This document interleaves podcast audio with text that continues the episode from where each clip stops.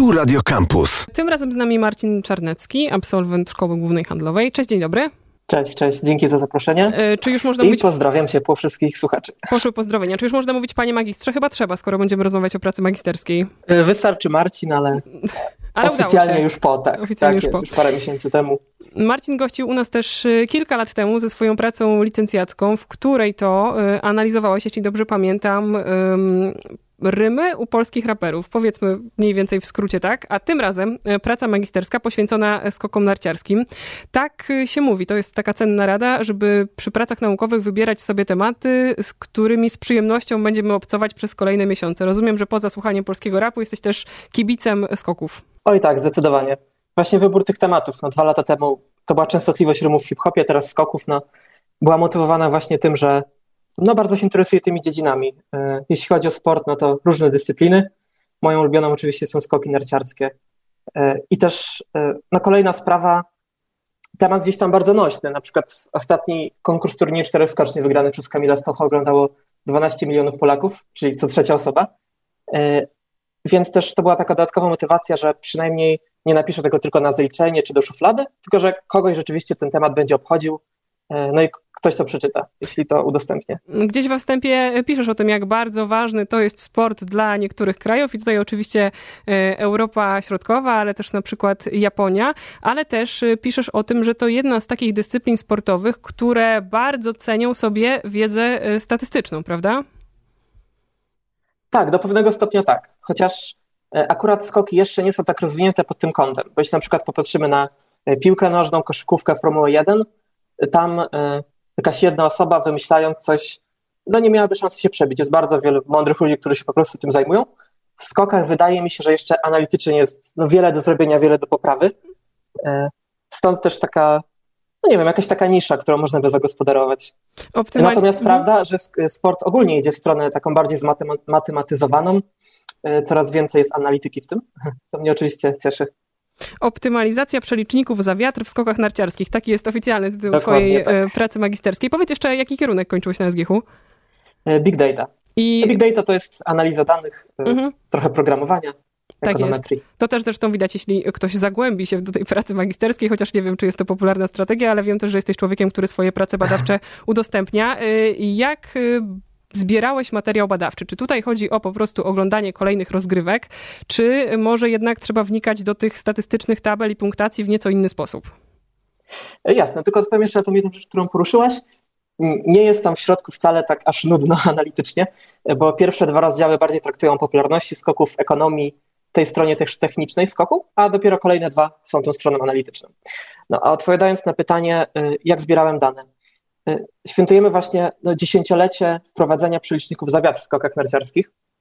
Tak może przypomnę, e, przeliczniki za wiatr to są punkty, które są albo odejmowane, albo dodawane do końcowych not, żeby zrekompensować e, korzystne, czyli wiatr podnarty, albo niekorzystne, czyli wiatr, wiatr w plecy, e, warunki na skoczni. To pewnie jeszcze będziemy I- rozwijać. Aha. Jasne. A dane tak, ostatnie 10 lat zawodów Pucharu Świata, no takiej bazy danych nigdzie nie było, przynajmniej nie jest udostępniona w internecie, no więc trzeba było ją stworzyć, czyli gdzieś tam e, wyciąganie z e, kilkuset plików PDF-ów automatycznie konkretnych e, rekordów dotyczących skoków, czyli łącznie baza danych 17 tysięcy obserwacji, czyli- czyli 17 tysięcy skoków wykonanych w Pucharze Świata. Czyli jednak pliki PDF, a nie jakieś spektakularne loty różnych skoczków z ostatnich 10 lat. A nie, nie, tutaj trzeba się skupić, po prostu wziąć jak najwięcej danych siemano, bo wtedy też analiza jest jak najbardziej wiarygodna i wtedy nie jest to wróżenie z fusów. I oczywiście nie, nie, nie zapisywałem tego w zeszycie, bo to byłoby nieosiągalne. Ale jednak kilkadziesiąt godzin i tak zajęło samo zgromadzenie danych pod tę analizę. Marcin Czarnecki e, gości w kampusie głównym za sprawą swojej pracy magisterskiej poświęconej skokom narciarskim. Optymalizacja przeliczników za wiatr w skokach narciarskich, tak to się naukowo e, nazywa. I właśnie do tego czynnika chciałabym, żebyśmy przeszli, to znaczy do wiatru. Ja oczywiście nie jestem ekspertką, ale gdybyś mógł właśnie wyjaśnić pewnie też trochę pochodzenie tego pomysłu, więc czymże jest ta punktacja za wiatr, dlaczego wokół niej pojawiają się jakieś wątpliwości, no i jak się właśnie te punkty skoczkom e, przyznaje. Pewnie. E, To słowem wstępu są dwa typy przeliczników. E, Pierwszy to jest przelicznik za belkę i to jest rzecz mm, dużo łatwiejsza do zalgorytmizowania, no bo e, przypomnę, wysokość belki wpływa na prędkość zawodnika na progu, co się Mówimy z o kolei przekłada na z odległość. rusza. Tak, dokładnie, o tej belce. I teraz zależy to od nachylenia skoczni, długości rozbiegu, w ogóle wielkości obiektu. I punktacja za belkę, no według obserwatorów, moim zdaniem też, działa w porządku. Natomiast dużo trudniejsza sytuacja jest z wiatrem.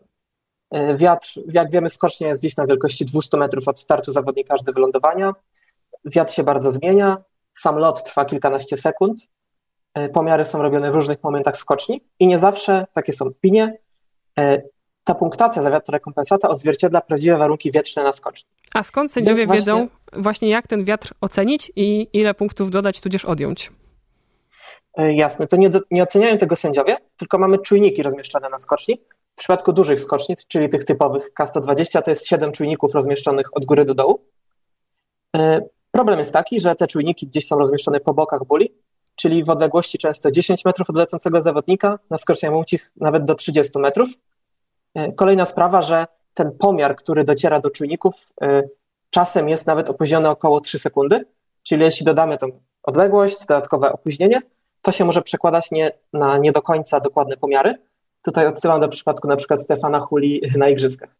E, natomiast tutaj chciałem podkreślić, to jest taka część techniczna tego pomiaru, a jest jeszcze druga sprawa, bardziej liczbowa, czyli jak ten algorytm, który, no bo to pewien program oblicza, rekompensuje wiatr, zoptymalizować. Są głosy, że na przykład zawodnik poleci za krótko, dlatego że miał zbyt mocny wiatr, czego punkty mu nie, zrekompensowały. Więc właśnie e, celem mojej pracy było na podstawie tych danych z 10 lat, które zebrałem, opracować taki model, taki algorytm, który bardziej sprawiedliwie rekompensowałby y, warunki na skoczni dla zawodnika. To zanim do tej optymalizacji przejdziemy, to jeszcze chciałam zapytać o jakieś takie mm, być może przykładowe wartości. Czy to są jakieś takie olbrzymie straty punktowe, czy to jest kwestia jakichś y, dziesiątych po przecinku, setnych, albo nie wiem, może warto powiedzieć o, o sile wiatru, która gdzieś tam być może umyka tym czujnikom. Jakby skąd się biorą te wątpliwości a propos tych pomiarów? E, pewnie, no tak żeby dać skalę, mm, dajmy na to, że średnio no to zawodnika za skok to jest 130 punktów. Jeśli wiatr na przykład wieje metr na sekundę w plecy, no to ta rekompensata to może być około 12 punktów, zależnie od skoczni. O. Czyli gdzieś to jest tego rzędu skala. 12 punktów to się przekłada, to jest równowartość około 6 e, metrów, 6-7 metrów, więc całkiem sporo, to niejednokrotnie może decydować o wynikach zawodów. No i bardzo dziękuję. Więc... To mi od razu uh-huh. uzmysławia trochę, o jakich e, wartościach mówimy. No i jeśli e, Jasne. próbować poprawiać czy optymalizować ten system, to na poziomie przeliczania, czy właśnie może na tym poziomie jakimś technicznym? Chociaż biorąc pod uwagę to, że jesteś absolwentem SGH-u, to już sama sobie potrafię odpowiedzieć, że będzie jednak chodziło o rodzaj przeliczania i pracy z tymi danymi. Tak jest. Właśnie myślę, że są dwa takie podejścia, w sumie dwie strony, które można usprawnić. Jedna to jest techniczna, czyli rozmieszczenie czujników, zbieranie danych stamtąd. To jest bardziej praca dla inżynierów, ekspertów w tej dziedzinie, więc to zostawiam innym. Natomiast też ta część liczbowa pod kątem budowy samych algorytmów może być poprawiona, no i to właśnie starałem się zrobić w tej pracy. Czyli y, w programie R zbudowałem różne modele ekonometryczne, które następnie na różne sposoby optymalizowałem. Tutaj odsyłam do rozdziału trzeciego, czwartego mojej pracy. Y, I końcowe przeliczniki wybrane przez najlepszy model ustaliłem jako te końcowe wartości i porównałem je z tymi aktualnymi fisowskimi, żeby właśnie sprawdzić, na ile e, ten mój algorytm in, inaczej się zachowuje niż ten aktualny fisowski. I powiedzmy, może moja przewaga tego badania była taka, że no miałem już te 10 lat historycznych badań czy wyników, na których mogłem się oprzeć, czego no, autorzy ustalający te przeliczniki być może w tamtym czasie nie mieli.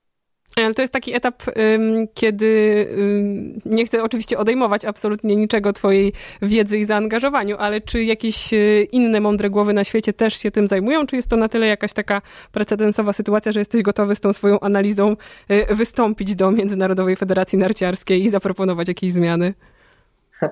E, co jestem pewien, że się zajmują. Jest trochę prac naukowych w ogóle na temat skoków oczywiście. E, też no, wiem, którzy tam naukowcy ustalali te aktualne punkty, na pewno się na tym świetnie znają. E, natomiast może kwestia jest tego, że kwestia rzeczywiście zoptymalizowania tych algorytmów, ale też wystąpienia w ogóle z inicjatywą. Bo jakby zdaję sobie sprawę, że osoby w FISie pewnie wiedzą, jakie są zalety, wady tych algorytmów, a przynajmniej analitycy tam, e, ale być może brakuje jakichś też zachęt do tego, jakichś inklinacji. Żeby, żeby się tym zająć. Mhm. Nie wiem, czy to pytanie, które zadam, będzie związane z y, tym, czym się zajmowałeś w pracy, ale czy w takim razie jesteś w stanie odpowiedzieć na pytanie, jaki wiatr sprzyja skoczkom? Nie wiem, czy to wynika z prędkości, czy może z jakiejś takiej wiedzy ogólnej a propos skoków narciarskich, której ja nie mam, co też przed momentem zademonstrowałam. Nie, jasne, to jest, to jest ważna rzecz. Y, wiatr pod narty sprzyja jak najdalszym skokom. I tak jak na przykład przy okazji biegania, biegów narciarskich lepszy jest wiatr w plecy, bo on nas popycha do przodu, to w skokach ważniejsza jest ta siła noszenia, czyli wiatr, który wieje pod nasze narty, bo nas podnosi trochę wyżej, dzięki czemu możemy odlecieć dalej. Czyli Ale... tutaj mhm. ta... I teraz ta punktacja za wiatr jest, punkty są, kiedy wiatr jest pod narty, jest korzystny, to punkty są dodawane. Kiedy jest w plecy, są ode... Y, kiedy wiatr jest w plecy, są dodawane, żeby mhm. to zrekompensować, kiedy wiatr jest pod narty, są oczywiście odejmowane. Y, jeszcze jest trzeci typ wiatru, który chętnie tutaj, o którym chętnie wspomnę, to jest wiatr boczny. I tego niestety te czujniki nie uwzględniają, czyli albo wiatr, ta suma wiatrów jest zaliczana jako wiatr podnarty albo w plecy. Natomiast wiatr boczny też w skokach jest niekorzystny, no bo wpływa negatywnie na stabilność zawodnika w locie. A czy ważny jest tylko jego kierunek, to znaczy to, czy on bieje pod narty, czy w plecy, czy też yy, znaczenie ma jego siła? Tak, im większa jest siła, tym większy wpływ wiatru oczywiście. I teraz yy, przed każdymi zawodami ustalany jest pewien korytarz wietrzny, w którym zawodnicy mogą być puszczani. Czyli na przykład jeśli korytarz jest ustalony na przedział 2 metrów na sekundę, to znaczy, że zarówno zawodnik, który ma metr na sekundę pod narty i metr na sekundę w plecy, dostanie zielone światło i może skoczyć. Y, I to jest też kolejna sprawa, już bardziej taka regulaminowa, że być może ten korytarz wietrzny, który jest czasami ustalony, jest zbyt szeroki, przez co wiatr, przy którym skaczą zawodnicy, za bardzo się różni i trochę gdzieś też wpływa na wyniki zawodów. Nie wiem, czy kiedyś w historii wszystkich programów, które prowadziłam, miałam równie skurczony i skupiony mózg, y, szybko analizujący te wszystkie dane i liczby, które do mnie docierają. Jest to sprawa pewnie też y, rozpisywana na różnego rodzaju wzory matematyczne i zaprzęgająca rozmaite y, algorytmy do pracy, o czym opowiadał nam Marcin Czarnecki. Optymalizacja przeliczników za wiatr w skokach narciarskich. Tak się nazywa ta praca. Chciałabym jeszcze, żebyśmy się upewnili na koniec, czy ona jest dostępna dla wszystkich. Jeśli ktoś wpisze to hasło w Google, i zechce zerknąć w to, co udało ci się y, zbadać? E, jasne, więc e, udostępniłem ją e, tak na, swoich, no, na swoim Facebooku. Także można albo wpisać Marcin Czarnecki na Facebooku i tam ta praca będzie, albo w wyszukiwarce wpisać no, Marcin Czarnecki i, i tam będzie pewnie moja strona, która się nazywa ISSU i tam jest udostępniony też ten plik.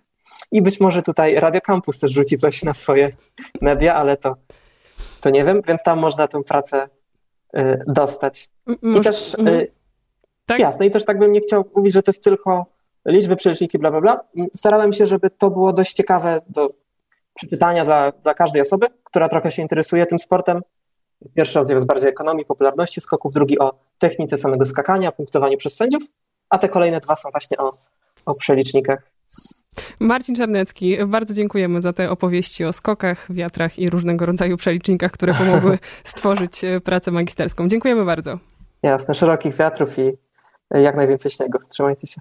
Radio Campus. Same sztosy.